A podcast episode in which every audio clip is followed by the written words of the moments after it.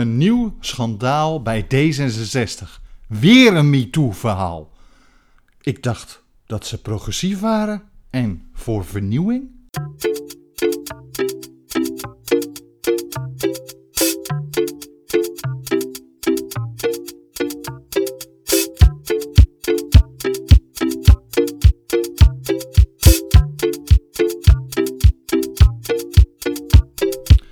Hele goede morgen en welkom bij deze eh, nieuwe aflevering van de podcast De Ochtendwandeling. Mijn naam is Bastiaan Toornent. Ik ben theatermaker, acteur, uh, opiniemakertje en een podcaster. Maar ik ben met name een hondenliefhebber. En normaal gesproken loop ik iedere morgen door de Zandvoortse duinen met mijn drie trouwe viervoetertjes, Naila, Masha en Dexter. En terwijl ik dat doe, uh, neem ik deze podcast op. En bespreek ik met u als luisteraar diverse politieke en maatschappelijke onderwerpen. Echter, vandaag liet mijn apparatuur me buiten een beetje in de steek. Dus uh, doe ik nu de opname bij mij thuis om alsnog gewoon een aflevering te maken. Nou, uh, deze podcast kunt u natuurlijk vinden op Spotify, iTunes, Apple Podcasts, Google Podcasts en diverse andere podcastplatformen. Tevens kunt u natuurlijk uh, kijken naar de video van deze podcast. Helaas vandaag niet met beelden van de duinen. Um, die kunt u vinden op YouTube, uh, op ons YouTube-kanaal Bastiaan Torenent. En natuurlijk ook op onze uh, Facebook-pagina Bastiaan Torenent. Uh, like, subscribe, laat een recensie achter, zodat andere mensen ons beter kunnen vinden. Wilt u nou alles bij elkaar vinden? Kijk dan even op onze website en daar ziet u het staan. www.torenent.nl Goed. We gaan het vandaag een beetje anders doen. We gaan het namelijk niet hebben over de persconferentie gisteren. Uh, we hebben er nou inmiddels al zoveel gezien, dus waarom zouden we daarover praten? Uh, ik kan me wel weer boos gaan maken over het feit dat uh, Rutte ons als een stel kinderen aanspreekt. Uh, Hugo de Jonge nog vele malen erger. En die doet ook alsof de journalisten dom zijn. Uh, sorry, ik vind het nogal belachelijk. Maar we gaan het daar niet. Ik ga het daar niet over hebben. Uh, ik ga het ook niet hebben over het uh, zo bekende stappenplan wat we nu gaan doen. Dat is gewoon weer zo'n roadmap. Uh, maar nu niet hoe het in elkaar zit op het moment dat er meer besmettingen zijn. Maar nu vooral om te kijken hoe we open kunnen. Waarom ga ik het er niet over hebben? Omdat het toch geen zin heeft. Het heeft geen zin om het erover te hebben. Het is onzin. Want we, volgende week zullen we toch wel weer zien dat ze zich of niet gaan houden aan het stappenplan wat ze zelf notabene deze week nog aangekondigd hebben. Of dat ze het weer veranderen. Of dat het helemaal komt te vervallen omdat de besmettingscijfers hoger zijn. Of er weer wat misgaat met de vaccinatie. Oh ja, daar gaan we het ook vandaag niet over hebben. We gaan het vooral niet hebben over het vaccinatiebeleid. Want dat is natuurlijk één grote ramp. Ik bedoel, Jansen en Jansen gaat nu niet eens meer leveren omdat die problemen uh, ondervinden. Maar ja, Hugo de Jonge die denkt dat hij het wel kan opvangen. Maar ja, het is maar de vraag of hij het überhaupt op kan vangen. Want elke keer als Hugo jongt dat het wel goed komt, dan komt het juist niet goed. En daarom gaan we het er niet over hebben. Uh, we gaan het ook niet hebben over het niet doorgaan van de versoepelingen. Uh, want ja, uh, uh, dat had gewoon niet uit mogen lekken. waarom hebben ze dan niet eerder ingegrepen? Waarom hebben ze niet eerder meteen gezegd van jongens, dit gaat echt niet gebeuren. Of dit is maar een idee. Het is helemaal niet zeker of we dat kunnen wegens de cijfers. Nee, ze hebben pas na twee of drie dagen dat het al rondgespookt heeft. Door RTL, door wat dan ook. Hebben ze pas gereageerd. En daarom gaan we het er niet over hebben. Um, we gaan het ook niet hebben over de zoveelste valse beloftes. Dat hoort een beetje bij dat stappenplan. Want ja, hoeveel valse beloftes gaan wij nog geloven? Ik bedoel, hoe kan je zeggen dat uh, we 28 juni of 28 april open uh, de, de, eerste stap gaan zetten. Terwijl zelfs mensen uit het OMT heel duidelijk zeggen: dat kan je niet beloven, dat kan je niet zeggen. En toch zegt hij het, toch zegt hij het, toch zegt Rutte het, toch zegt Hugo Jongen het. En daarom gaan we het er niet over hebben, want ze zeggen het steeds. Um, we gaan het ook niet hebben over de formatie. Want ik heb niet zoveel geloof in deze formatie momenteel. Niet omdat. Uh, Cenk Willink niet goed is, daar we het ook niet over gaan hebben. Maar in principe, Jack Willink is een hartstikke goede vent. Die staat voor bestuurlijke vernieuwingen, et cetera, et cetera.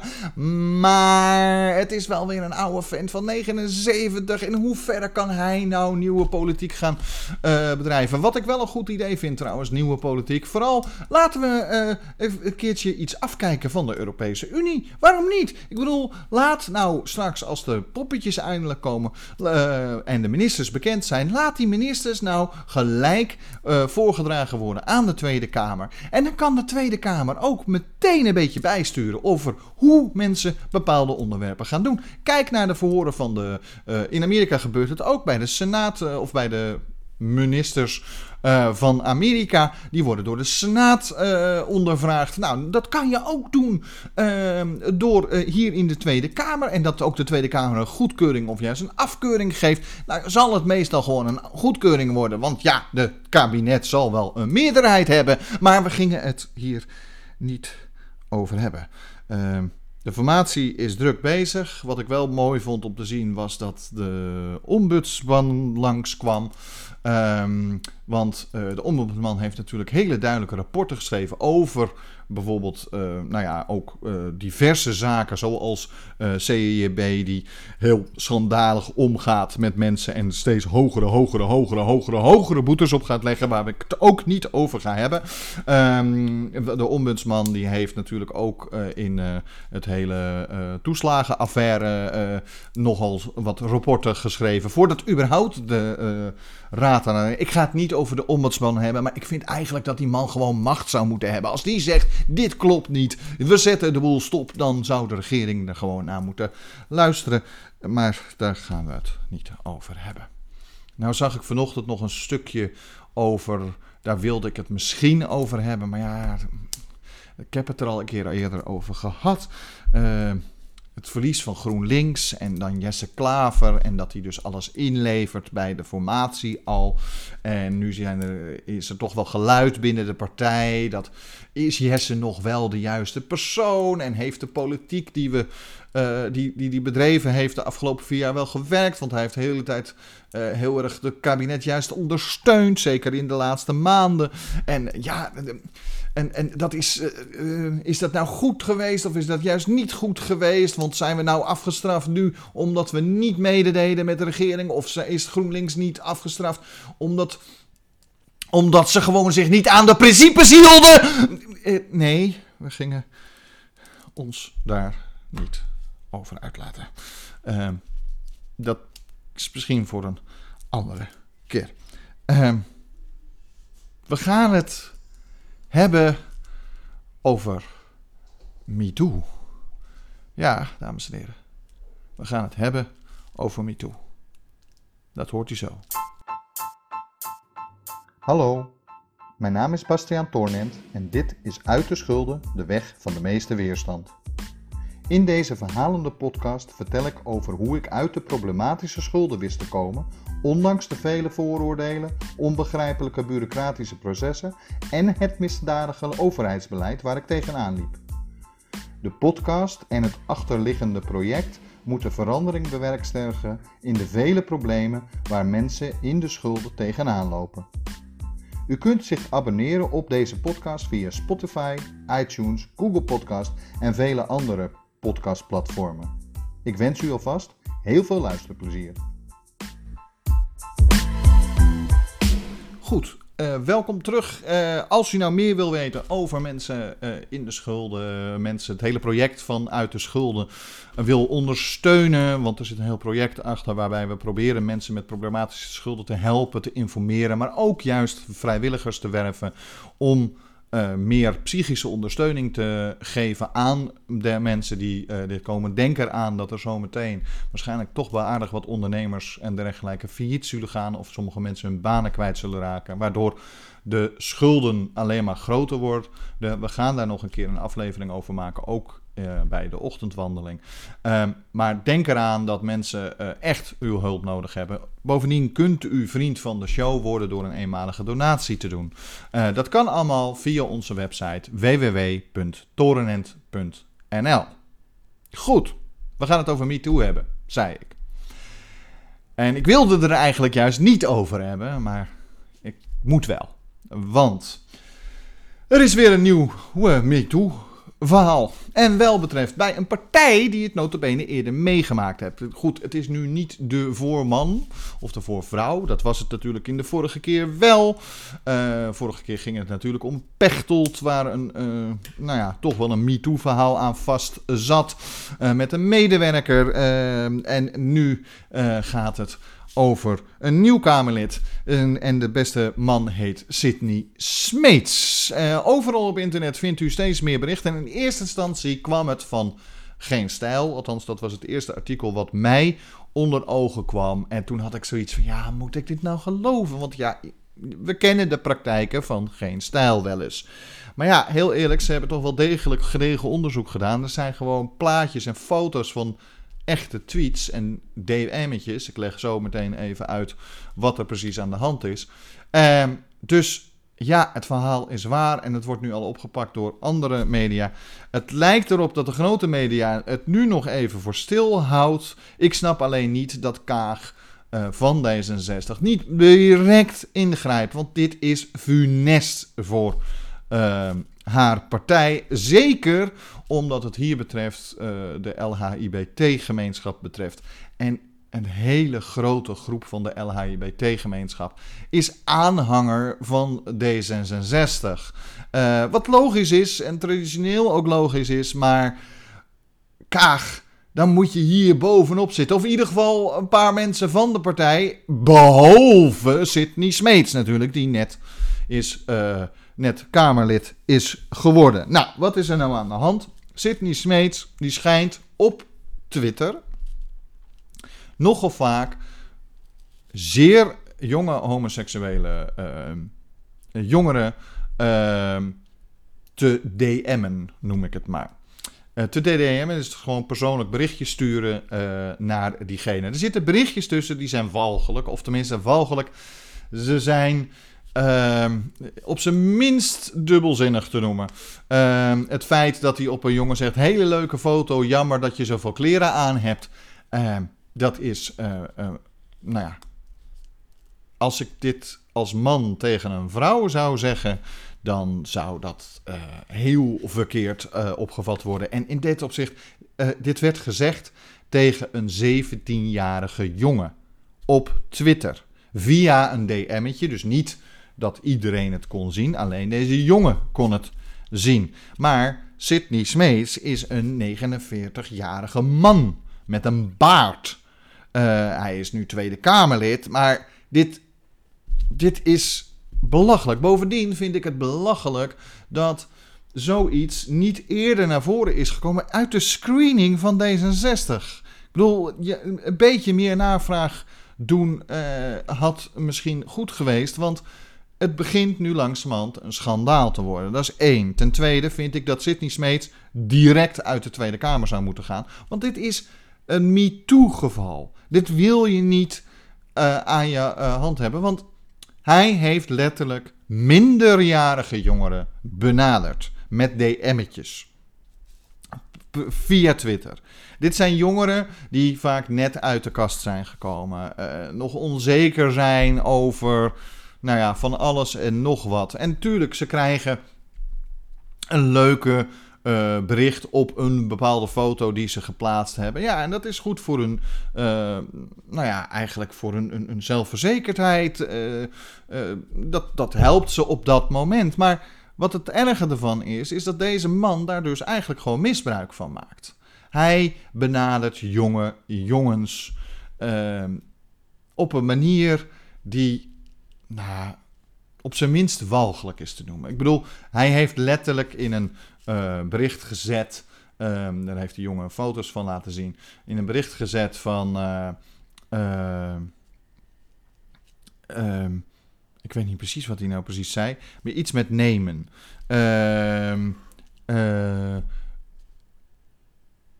die wil ik wel meenemen. Zoiets. die wil ik wel nemen of zoiets was het. En uit, in een bericht. En het probleem van het bericht is, is dat hij gewoon relatief onzeker, on, on, onzinnig. Uh, nou ja, eigenlijk op de hele conversatie niet eens sloeg. Want die jongen vroeg ook: wat bedoelt u? Uh, en hij bedoelde er eigenlijk mee te zeggen dat hij degene. dat je die zin dubbelzinnig kon zien. En toen ging hij ook nog eens een keer aan een jongen van 17 jaar uitleggen wat er nou dubbelzinnig aan was. Dat er ook uh, dat hij uh, bijvoorbeeld zou kunnen zeggen: Ik zou je heel hard willen nemen. Uh, en nou ja, iedereen begrijpt wel als ik dat zeg wat dat betekent. Ik vind dit schandalig. Ik vind dit bizar dat dit nu nog gebeurt. Dat dit soort MeToo-dingetjes nu uitkomen. Überhaupt dat er een man is. Kijk, MeToo is natuurlijk altijd machtsmisbruik. En mensen zullen zeggen, ja, dit is toch onschuld. Nee, het zijn 17-jarige jongens. Het zijn minderjarigen. Dit is een zwaar volwassen man. Bovendien heeft hij ook nog eens een keer, uh, is hij ook nog eens een keer parlementariër geworden. Uh, waardoor hij eigenlijk helemaal het voordeel, voorbeeld zou moeten geven voor iedereen. Ik vind dat deze man gewoon in dat opzicht. Er moet een onderzoek naar ingesteld worden. En hij zou gewoon zelf uh, op moeten stappen.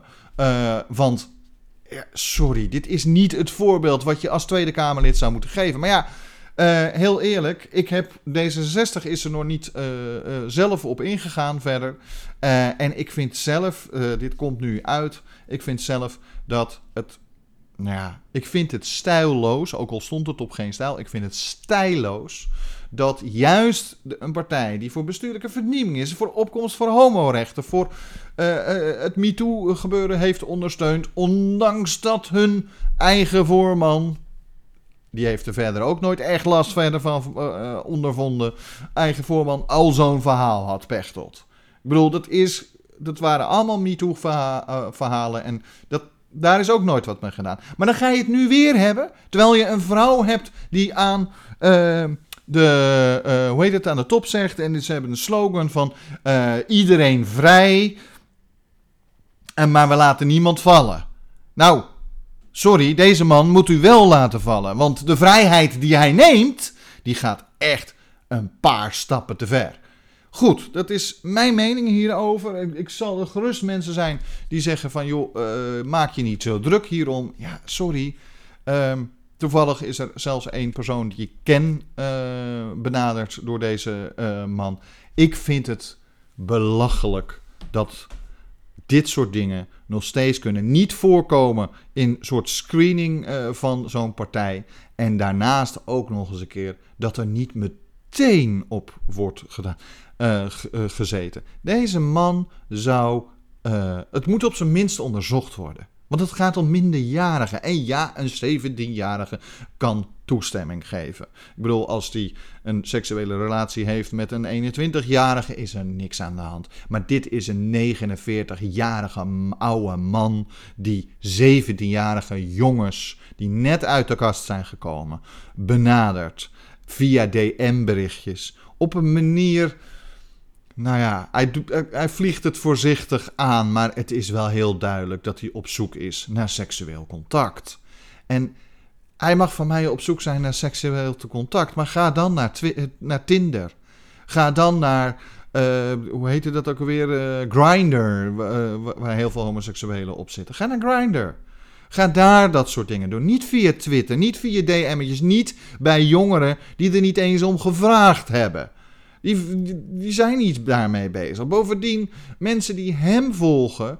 eh, heel veel van die jongere jongens die hem volgen, die volgen hem omdat hij van de partij van D66 is. Niet omdat ze hem nou zo geil gozer vinden.